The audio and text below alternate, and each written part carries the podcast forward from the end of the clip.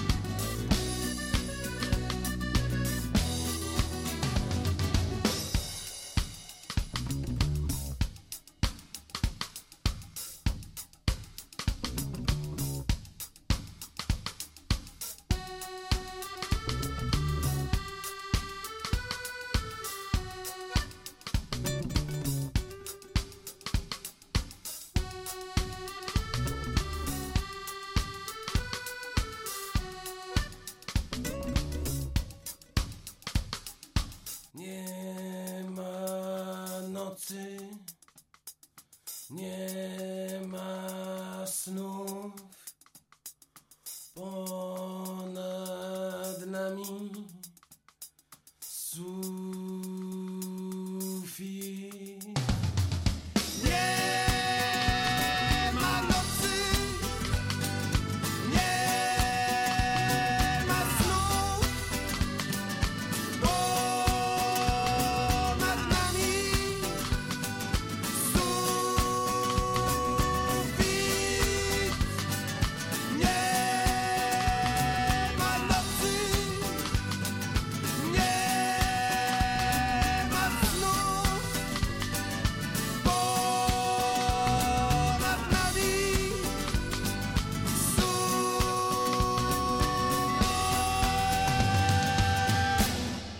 Przed mikrofonem Dariusz Wieczorkowski. Dobry wieczór, to jest Radio Wrocław. Za chwilę wybory i w zasadzie o wszystkim, albo prawie wszystkim, co się z nimi wiąże, porozmawiamy dziś w audycji Spór, Polemika, Dialog.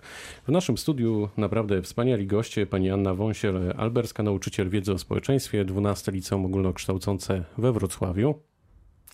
Dobry wieczór. Pan Ryszard Balicki, konstytucjonalista, Uniwersytet Wrocławski. Dobry wieczór Państwu. I pan Tomasz Szczepański, dyrektor Krajowego Biura Wyborczego. Dobry wieczór.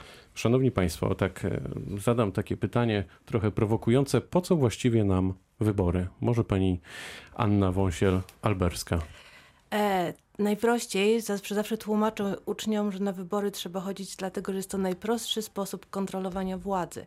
I że tylko w ten sposób każdy z nas może odpowiedzieć sobie na pytanie, czy na przykład ostatnie cztery lata rządów nam się podobały, czy nie.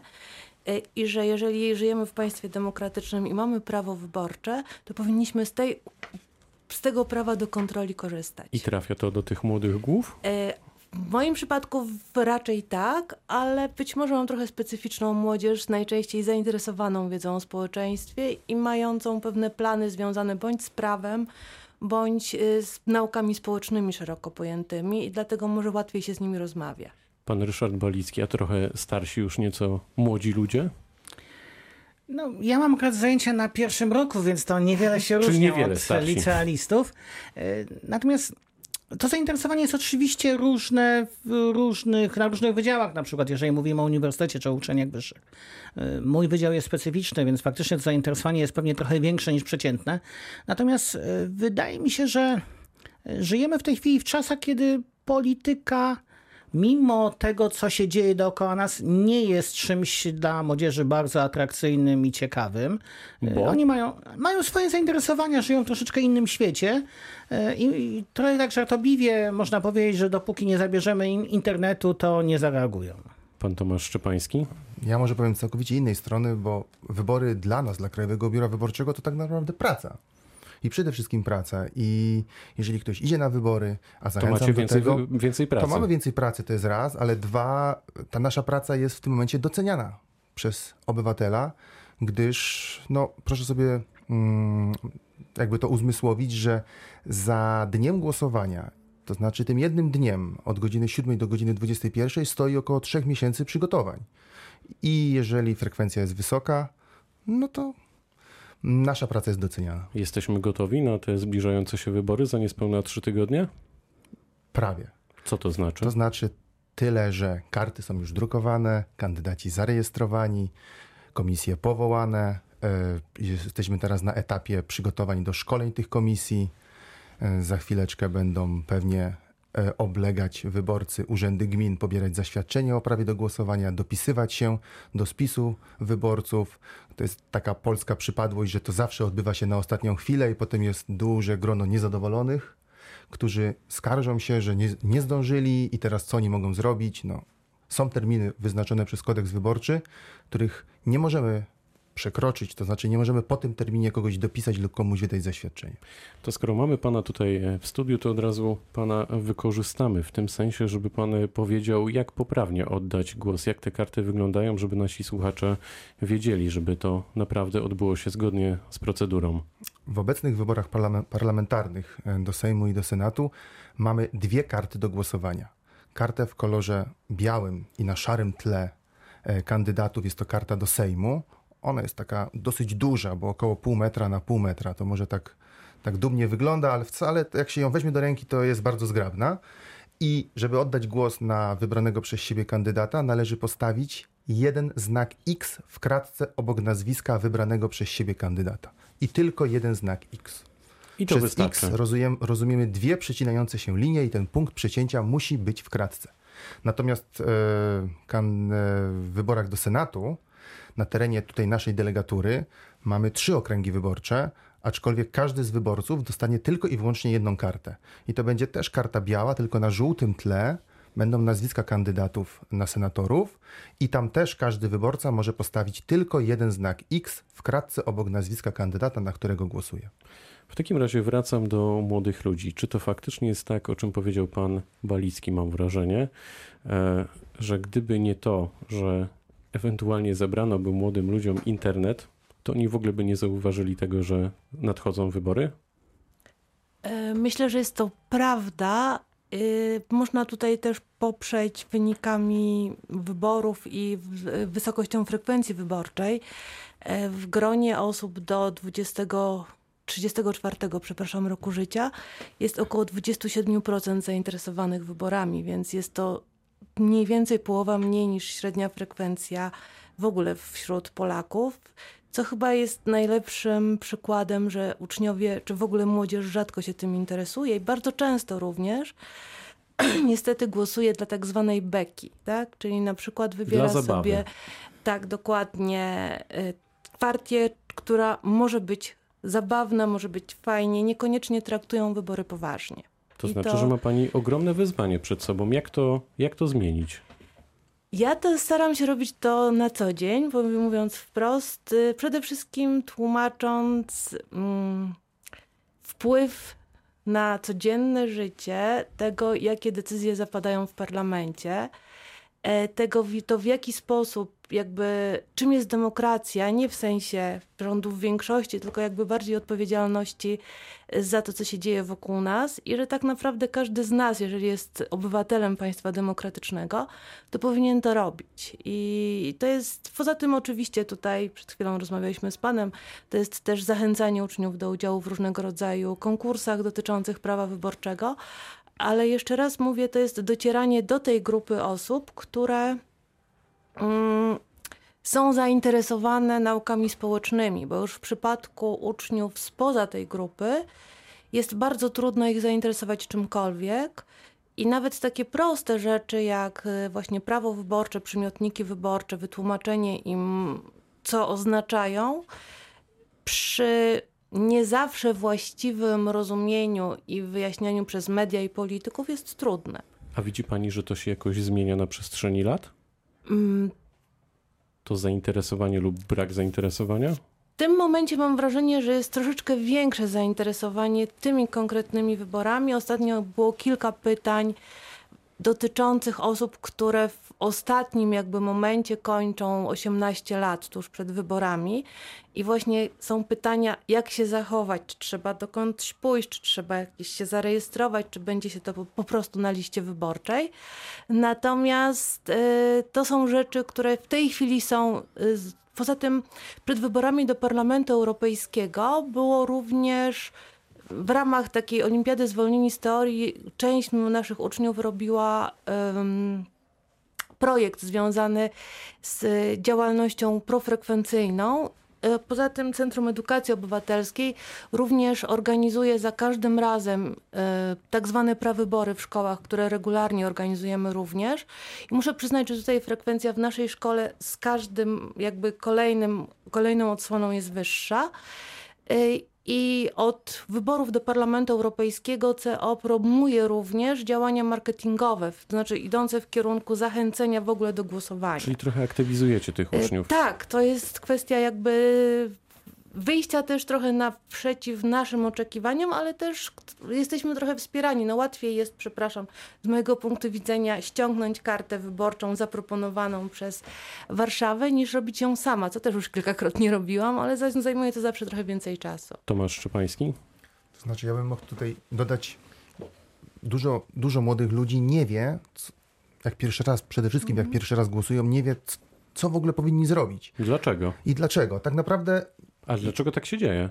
no być może, no nie wiem, ja sobie ze swoich czasów przypominam na WOSie, że te kwestie wyborcze były poruszane. Było mówione, to ilu, mamy, ilu mamy senatorów, ile mamy posłów, co ile lat są wybory. To wszy- o, o, o, o tym było mówione, aczkolwiek nigdy nie było mówione, to pamiętam ze szkoły średniej jeszcze, że nie było mówione, jak się głosuje i o tych technicznych aspektach. To jest jakby całkowicie pominięte.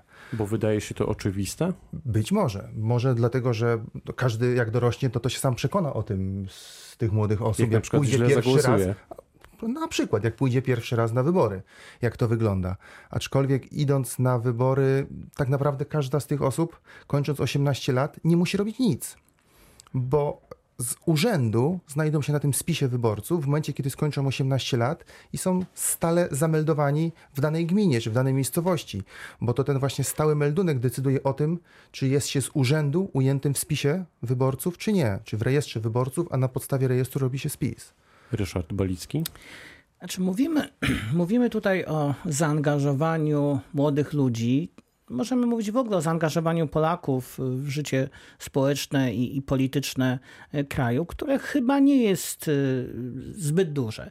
I teraz moglibyśmy powiedzieć, że z jednej strony to jest e, dowód na pewną normalność. Znaczy nie wszyscy są zainteresowani tym, co go otacza. co z mojego punktu widzenia mógłbym to skrytykować, bo powinniśmy być zainteresowani. Ale z drugiej strony trudno ludzi zmuszać. Znaczy, ja prowadząc rozmowy ze studentami często spotykam się z takim argumentem, no mała, mała jest frekwencja, to może wprowadźmy przymus wyborczy. No, akurat to jestem y, przeciwnikiem takiego rozwiązania, bo znając e, nasze podejście do obowiązków, to pewnie by się skończyło tak, że faktycznie te głosowania byłyby, e, no, mówiąc delikatnie, czysto przypadkowe jakby ktoś już nawet poszedł, bo, bo jakaś grzywna by go do tego zmusiła, to wybierałby nie pod kątem analizy jakiegokolwiek programu wyborczego, tylko raczej skupiałby się na elementach ornamentacyjnych, nie wiem, nazwisko, kolory ugrupowania albo cokolwiek takiego. Więc to też nie jest droga. Najlepiej właśnie pokazać, że to jest ważne i zachęcać do osobistego zaangażowania. Ja myślę, że taka naturalna kolej rzeczy e, powinna rozpoczynać się od e, wyborów samorządowych, od działalności e, w tego, organizacjach co jest społecznych. najbliżej, prawda? Tak, tego, co jest najbliżej. I pewien problem Polski polega na tym, że dla nas te wybory samorządowe zawsze były najmniej istotne, a to paradoksalnie jest błąd, bo, bo dla nas ważniejsze, no nie chcę tutaj hierarchizować, ale, ale w sumie summarum ważniejsze jest, kto będzie rządził e, naszą małą ojczyzną, bo to nas dotknie bezpośrednio. E, władza w Warszawie oczywiście nas dotknie mm, trochę później może, ale zacznijmy od tej małej ojczyzny, wtedy to będzie takie naturalne zaangażowanie właśnie w to, co nas otacza i zaangażowanie życiem politycznym w skali kraju będzie takim naturalnym kolejnym etapem. No to jak tłumaczy pani uczniom, czym zajmuje się Sejm i Senat, to jakich przykładów, jakich argumentów pani używa? To znaczy, najczęściej staram się używać argumentów jak najbardziej ich dotykających i jak najbardziej aktualnych, czyli przez jakiś czas była to reforma edukacji, która reformy programowe, które dotykały ich wprost. Być może w mniejszym stopniu ich bezpośrednio, tych, którzy już wyszli, ale myślę, że drugie, trzecie klasy, które już są w tej chwili, mając dość mocno zatłoczoną szkołę, nawet przy naszych warunkach lokalowych, bardzo korzystnych, nawet przy tej ilości uczniów, jednak mają tą świadomość, że ktoś o tym zadecydował i warto im mówić kto. Natomiast takim bardzo... No i co oni wtedy na to? Jak reagują? Są na przykład y, pani uczniowie ci starsi rozgoryczeni tą sytuacją? Czy mają totalnie ja mam wrażenie, chłodne że emocje? Póki co jeszcze nie, ponieważ poza tłumem na korytarzu nie bardzo są tym dotknięci. Myśmy się, my się bardzo staramy, żeby jakby żaden z roczników y, nie był jakoś szczególnie dotknięty. Natomiast rzeczywiście te tłumy na korytarzach, brak możliwości dostępu do bufetu, długie kolejki, to jest problem. Natomiast y, raczej bardziej jest to kwestia zainteresowania y, pewnymi, kto te decyzje podejmuje, w jaki sposób. I oczywiście zawsze jest trudno dyskutować na ten temat, ponieważ szkoła jest neutralna politycznie i e, to tak wychodzenie tak z takiej dyskusji jest trudne, ponieważ no nie, mogę, nie, nie mogę ani za bardzo dopuścić ich do tego, żeby zaczęli się kłócić o jakieś rzeczy. Ewentualnie mogę poprosić, że mogą sobie podyskutować, ale bez osobistych, że tak powiem. Wrzutek. Wrzutek, dokładnie. Albo też y, staramy się mówić po prostu, że decyzje zapadają tam, tam i tam i że być może to, o czym też ostatnio dość mocno dyskutujemy, niekoniecznie wychodzimy na ulicę w ramach strajku klimatycznego, tylko idziemy na najbliższe wybory i głosujemy zgodnie z naszymi oczekiwaniami. Tak? Czytamy program partii i zwracamy uwagę, która z nich ewentualnie nasze postulaty będzie realizować. I to jest sposób, który, w którym można ich jakoś zachęcić, dotykając ich tymi problemami. Ryszard Balicki, jak pan y, miałby określić i wytłumaczyć tak obrazowo, czym zajmuje się Sejm i Senat, to jakich przykładów by pan użył? No ten sposób, e, o którym Pani mówiła, czyli odwołanie się do konkretnych decyzji, które mogą nas dotykać lub dotykają nas, jest oczywiście e, najlepszy, bo on jest taki najbardziej obrazowy i on powinien dotrzeć do e, każdego człowieka. No, ja oczywiście mówiąc do studentów, muszę odwołać się do pewnych zasad funkcjonowania Izby, więc odwołuję się do podziału funkcji, które realizuje Sejm, ale zwracam uwagę, że wbrew pozorom ta funkcja ustawodawcza, o której e, zawsze, która zawsze nam przychodzi na plan pierwszy, jeżeli myślimy o Sejmie, ona nie była pierwsza. Pierwsza, pierwotna funkcja parlamentu to jest funkcja kontrolna i to jest coś, o czym powinni, powinniśmy pamiętać. W normalnym systemie parlamentarnym to właśnie kontrola działalności władzy wykonawczej jest tym podstawowym elementem realizowanym przez, przez parlament. To się troszeczkę komplikuje w systemach parlamentarnych ale musielibyśmy wdać się w tym momencie e, już bardziej głęboką dyskusję, to na razie zostawmy. Natomiast pamiętajmy o tym, że rolą parlamentu, czyli rolą tych osób, które my wybierzemy, e, jest kontrolowanie działalności władzy wykonawczej a decyzje władzy wykonawczej dotyczą nas bezpośrednio. To jest punkt wyjścia. Oprócz tego musimy sobie uświadomić, że żyjemy w w świecie, który się w ciągu ostatnich kilkudziesięciu latach bardzo zmienił. Globalizacja to nie jest tylko pojęcie, które e, nas nie dotyka, to jest pojęcie, które ma na, wpływ na nasze życie i ma również wpływ na funkcjonowanie e, obu izb parlamentu. To też jest istotne zjawisko, o którym musimy pamiętać. Jak bardzo w takim razie posłowie i senatorowie na co dzień wpływają na nasze życie? Pan Tomasz Szczepański. O, trudne ciężko, pytanie. Tak, trudne pytanie, bo, bo ja, bym nie chciał, ja bym nie chciał wchodzić e, w rzeczy takie bardziej mm, stricte polityczne z uwagi na, na funkcję, jaką pełnię e, w Krajowym To jasne, ale jaki oni mają zakres możliwości, kompetencji? Znaczy, odnosząc się do wyborów, chociażby, chociażby porównując e, to, co tutaj Państwo mówili, przenosząc to na, na, na moją działkę, to właśnie Sejm, Sejm i Senat decyduje o wyglądzie ordynacji wyborczej. To właśnie posłowie i senatorowie tworzą te przepisy, które potem my, pracownicy Krajowego Biura Wyborczego, organy wyborcze, musimy stosować.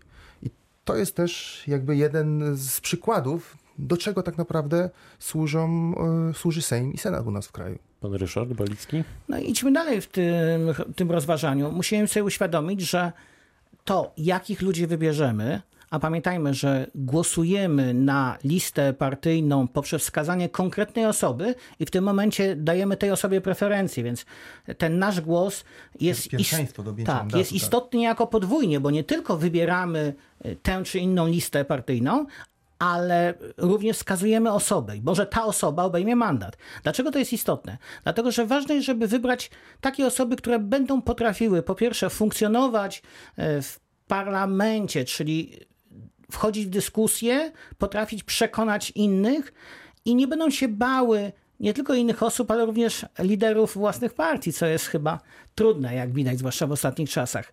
E, Więc mamy wpływ na wybór tych ludzi, a oni mają wpływ na nasze, na nasze losy, bo projekty ustaw przed, przedkładają w normalnych państwach przede wszystkim organy władzy wykonawczej, natomiast to jednak parlamentarzyści podejmują decyzje o ostatecznym kształcie każdej ustawy.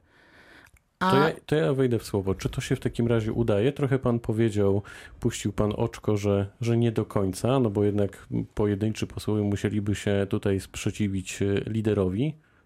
Znaczy, musielibyśmy y, rozważyć nie tylko system wyborczy, o którym dzisiaj rozmawiamy, ale musielibyśmy również przyjrzeć się systemowi partyjnemu, który mamy w Polsce. No niestety y, polskie partie polityczne y, są bardziej zbliżone do partii typu Wodzowskiego niż partia, do partii o silnym mandacie demokratycznym. To powoduje, że ta, to zdanie lidera jest, jest bardzo ważne i Z tak drugiej strony naprawdę... mamy ruch obywatelski, jakkolwiek ruch po prostu Kukiza. E, Czy to jest jakaś Mamy inna jeszcze? jakość? No, Ale na, na tym polega problem, że do końca tej kadencji każdy jeszcze kolejny- mamy 16 posłów. No właśnie, a zaczynali to od trochę większego składu 42. osobowego w klubie. To też powoduje, to też chyba pokazuje, że y, takie ruchy polityczne y, są na tyle nieustabilizowane, że ich szansa przetrwania są niewie, jest niewielka. To, to jest chyba taki kolejny dowód na to. Znaczy, żebyśmy mieli świadomość, w funkcjonowaniu partii politycznych nie ma nic złego. Znaczy, partie są nam potrzebne, e, tylko warto, żeby te partie funkcjonowały z zachowaniem określonych zasad. No ten mój zarzut o tym, że te partie zbliżone są mniej lub bardziej do partii typu Wodzowskiego, nie jest e, przypadkowy. No, spójrzmy na statuty tych partii politycznych, na to zdanie, które ma lider w niektórych partiach może właściwie wszystko zrobić, niezależnie od innych organów statutowych, to jest pewne utrudnienie. To powoduje, że e, posłowie, którzy reprezentują suwerena, reprezentują nas wszystkich, wszystkich obywateli, e, tak naprawdę boją się nie suwerena, nie wyborców, ale boją się swojego lidera. To nie jest sytuacja e, naturalna i dobra. Tu stawiamy przecinek i za moment dosłownie wracamy do dyskusji.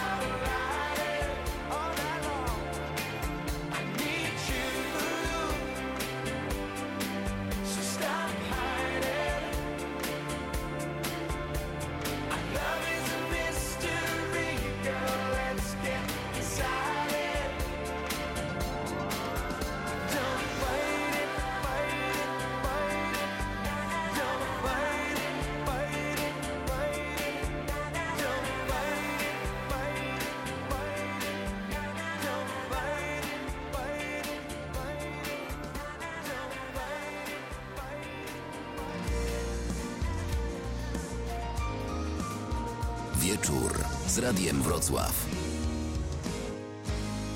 A wieczorze z Radiem Wrocław, audycja z Purpelmika Dialog i dziś e, rozmawiamy o wszystkim, co się wiąże e, z wyborami i paradoksalnie jeszcze nikt nie opuścił studia. W związku z tym przed przerwą rozmawialiśmy, pytałem o to, o w jaki sposób posłowie i senatorowie wpływają e, na co dzień na nasze życie. No to teraz doprecyzuję to pytanie i e, zadam je w ten oto sposób. To znaczy, z jakim zagadnieniem my konkretnie moglibyśmy e, się udać do naszego wybranka? Pani Anna Wąsiel-Alberska. Głosuję na pana X i z jakim zagadnieniem mogę do niego przyjść? Teoretycznie, jakie on ma kompetencje? E, kompetencje posłów, senatorów są dość szerokie, natomiast zawsze trzeba pamiętać, że każdy poseł powinien reprezentować państwo, a niekoniecznie tylko okręg wyborczy, z którego kandyduje, bo tutaj możemy nawiązać do pierwszej Rzeczpospolitej, gdzie rzeczywiście były instrukcje poselskie i wiele sejmów zostało zerwanych właśnie dlatego, że ktoś próbował.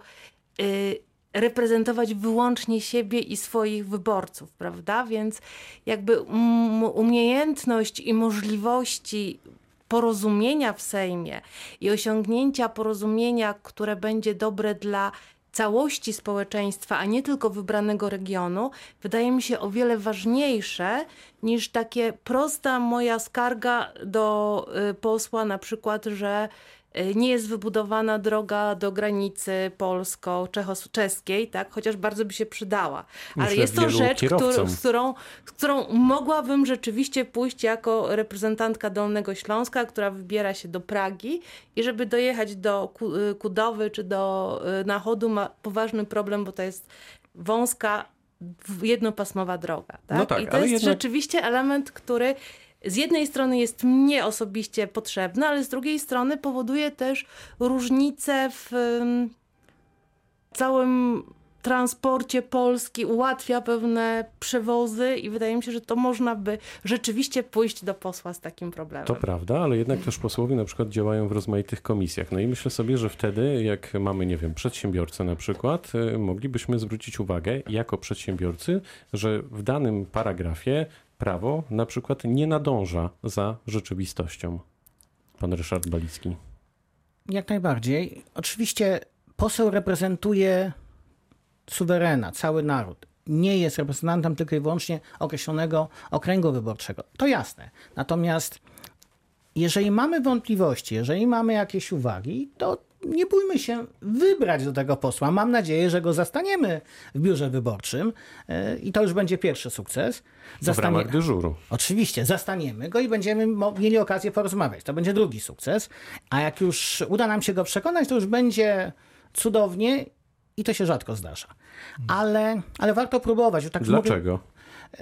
znaczy, to różne elementy odgrywają grę. Tu parlament to polityka, polityka to jest sztuka dogadywania się i czasami te jednostkowe problemy nie, nie mają przełożenia na funkcjonowanie większej zbiorowości. Natomiast, żeby było jasne i to już mówiąc całkiem poważnie, jeżeli mamy problem, jeżeli mamy pewien, e, pewne wątpliwości, albo jeżeli mamy jakiś pomysł, e, to z jednej strony możemy się udać do swojego posła czy senatora, z drugiej strony mamy też instytucję petycji, możemy z nią wystąpić. Nie bójmy się korzystać z praw, które nam przysługują. Oczywiście nie mamy pewności, jaki będzie efekt ostateczny naszych działań, natomiast warto próbować. Nie zniechęcajmy się. Czy my możemy jako obywatele w jakikolwiek sposób kontrolować władzę właśnie e, posłów? Pan Ryszard Balicki? To jest troszeczkę e, złożony, złożony problem, bo e, posłowie, parlamentarzyści dysponują mandatem wolnym. Nie mamy możliwości odwołania ich, bo na przykład uważamy, że e, źle sprawują swój mandat. To jest, to jest pewien problem. Teraz toczy się dyskusja w wielu państwach, czy, czy ten mandat wolny nie spowodował, że parlamentarzyści, parlamentarzyści stali, zostali uwolnieni od zdania wyborców, a zostali uzależnieni od zdania liderów partyjnych. I I szuka się też innych od wyborów rozwiązań. do wyborów. Tak, ale tym właśnie elementem kontroli, który nam jeszcze pozostał, to jest właśnie ocena funkcjonowania dotychczasowych posłów i ewentualna decyzja, czy chcemy, żeby oni weszli do nowego parlamentu, czy też nie. To jest ten naj, najmocniejszy mandat. Mówiąc inaczej, karta wyborcza jest naszą najsilniejszą kartą. Czyli, chod- czyli chodzenie na wybory to jest jedyny, jedyny tak naprawdę sposób kontroli. Aczkolwiek, tak jak tutaj powiedział pan przede mną, ten mandat jest jakby ciągły, nie można, nie można posła czy senatora odwołać.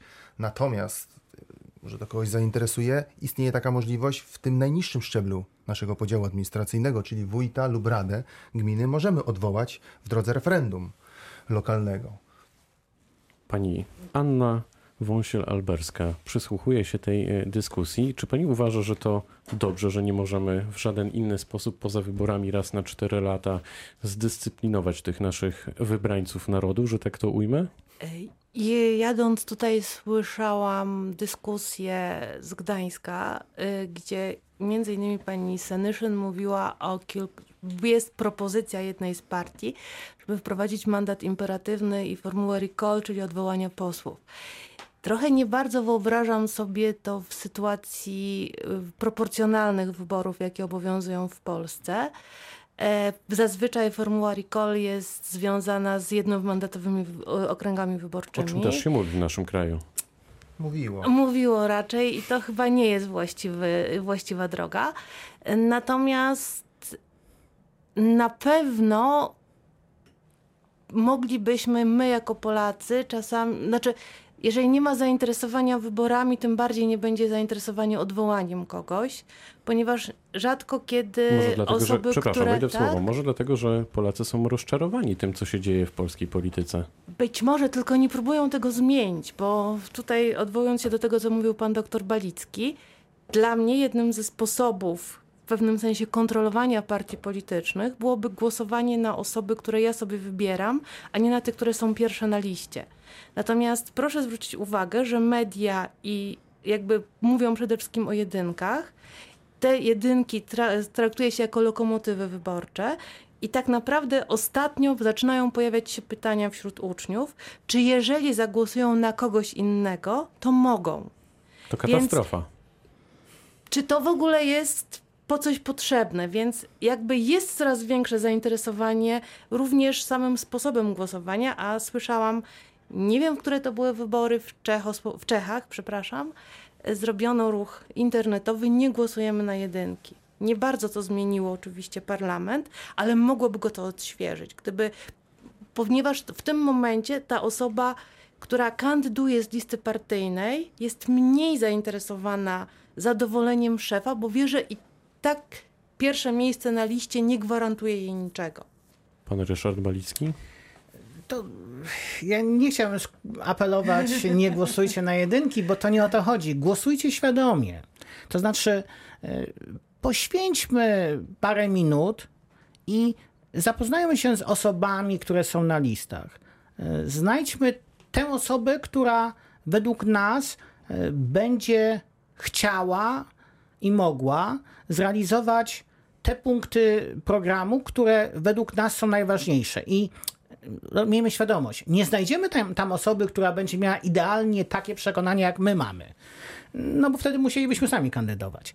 Znajdźmy tę osobę, która. Zawsze możemy to zrobić. Zawsze to możemy zrobić, no to, to troszkę bardziej skomplikowane, z skomplikowane, ale uwagi na możemy. system proporcjonalny. Ale znajdźmy tę osobę, która ma te najważniejsze punkty programu, ale też szukajmy takiej osoby, która ma już pewne doświadczenie. Yy, Niekoniecznie była już posłem, chociaż jest to jak najbardziej yy, możliwe, że ma już to doświadczenie poselskie, ale może ma doświadczenie samorządowe, może ma doświadczenie w działalności organizacji społecznych. Poszukajmy tam osób, które już się czymś wykazały i dajmy tym osobom szansę, niezależnie od tego, na którym miejscu listy będą. W Polsce mamy trójpodział władzy. Czy to jest Państwa zdaniem optymalna konfiguracja? Czy ona się na co dzień sprawdza, Pani Anna Wąsiel-Alberska? Trójpodział władzy został wprowadzony historycznie, bo jestem również historykiem, czy może przede wszystkim historykiem, ze względu na konieczność ograniczenia władzy mm, wykonawczej i uprawnień i jedynowładztwa. W związku z czym, to o czym mówił pan doktor, parlament jest po to również, żeby kontrolować władzę wykonawczą. I wydaje się, że ten model właściwie realizowany jest optymalny w tej chwili. Pan Ryszard Balicki? Krótko i konkretnie. Podział władzy jest y, konieczny. Y, Niestety z jego funkcjonowaniem y, jest źle i to nie tylko w Polsce. W Polsce tego doświadczamy od paru lat bardzo, bardzo brutalnie, ale to jest problem dużo szerszy z uwagi na to, że w państwach o systemie parlamentarnym dochodzi do zlania się władzy wykonawczej i ustawodawczej. To powoduje, że partia rządząca tak naprawdę dominuje i w rządzie i e, w Sejmie, upraszczając. Stąd e, istotna jest rola władzy sądowniczej. E, My często o niej zapominamy, bo ona jest najsłabsza, ale tak naprawdę na straży naszych praw musi stać niezależna władza sądownicza. Wybory 13 października, gdybyśmy mieli naszą dyskusję dzisiejszą spiąć jakąś klamrą, to jakie widzicie Państwo największe, najważniejsze wyzwania teraz na najbliższe lata? Pani Anna Wąsiel-Alberska, stojące przed naszym krajem. O, czyli musi być ich dużo. Znaczy myślę, że mimo wszystko powinniśmy y, spróbować odbudować system władzy sądowniczej, czy jakby zaufać tej władzy sądowniczej, ale z drugiej strony to, co robią w tej chwili młodzi ludzie, czyli włączyć się w działania na rzecz klimatu. Czyli Bo walczymy one o klimat. są, no myślę, że jest to jeden z elementów, jeżeli w ogóle chcemy, żeby nasze dzieci, wnuki i tak dalej gdziekolwiek chciały żyć, no to musimy się, chyba najwyższy czas się tym zająć. Pan Ryszard Balicki. Pierwsza podstawowa sprawa to y, pójść i świadomie zagłosować. To jest punkt wyjścia. Ale mieć również y, świadomość, że wybory to nie jest koniec, to jest początek. Demokracja, demokracja liberalna to jest coś więcej niż wybory. I jeżeli pójdziemy, zagłosujemy i wybierzemy dobrze, to wtedy musimy y, weryfikować, czy ci nasi wybrańcy postępują zgodnie z tymi hasłami, które w czasie kampanii wyborczej tak pięknie głosili. A y, tutaj pani profesor powiedziała o bardzo ważnej kwestii. Y, My się albo mamy niewielkie zainteresowanie życiem społecznym i politycznym, albo się skupiamy na jakichś takich elementach, które nas y, dotknęły najbardziej brutalnie, a zapominamy o rzeczach podstawowych, które, których nie widzimy tak na pierwszy rzut oka. Klimat to jest coś, co dotyka nas już, będzie dotykało nas jeszcze mocniej i faktycznie warto potraktować to hasło poważnie. To pan Tomasz Szczepański. Domyślam się, że zaapeluje o to, żeby przede wszystkim poprawnie oddać głos. Oczywiście, że tak, bo jeżeli wyborca poprawnie odda głos, to komisja ma mniejszy orzech do zgryzienia, do zgryzienia żeby te głosy rozszyfrować, e, policzyć. E, szybciej to wszystko następuje oczywiście, wyniki i wyniki wszyscy znamy szybciej. Także jeżeli wyborca odda dobrze głos, czyli postawi tylko jeden X na każdej z kart, ja to podkreślam, bo z tym jest niestety u nas w kraju problem, e, chociaż coraz mniejszy, odkąd te karty są w formie płacht, a nie książeczek, to tych głosów nieważnych jest coraz, coraz, znaczy dużo i to drastycznie dużo mniej. Czyli chyba jak wyborca widzi tylko jedną przed sobą kartę i tam ten zapis, że należy postawić X przy kandydacie, to stawia przy, przy tym jednym wybranym kandydacie, a nie na każdej kartce, jak to miało miejsce w przyszłości. I wiedziałem, że od tego zaczniemy i na tym skończymy. Na pana właśnie tutaj liczyłem na ten szybki instruktaż. To była audycja Spór Polemika e, Dialog w Radiu Wrocław. Bardzo dziękuję Państwu za spotkanie. Na pytania odpowiadali pani Anna Wąsiel-Alberska, Do, dobranoc. pan Ryszard Balicki, idźmy głosować świadomie. Dobranoc Państwu. Pan Tomasz Szczepański. E, wybory są 13 października od 7 do 21 głosowanie. Dobranoc. Pytał Dariusz Wieczorkowski. Zapraszam do głosowania. Dobranoc.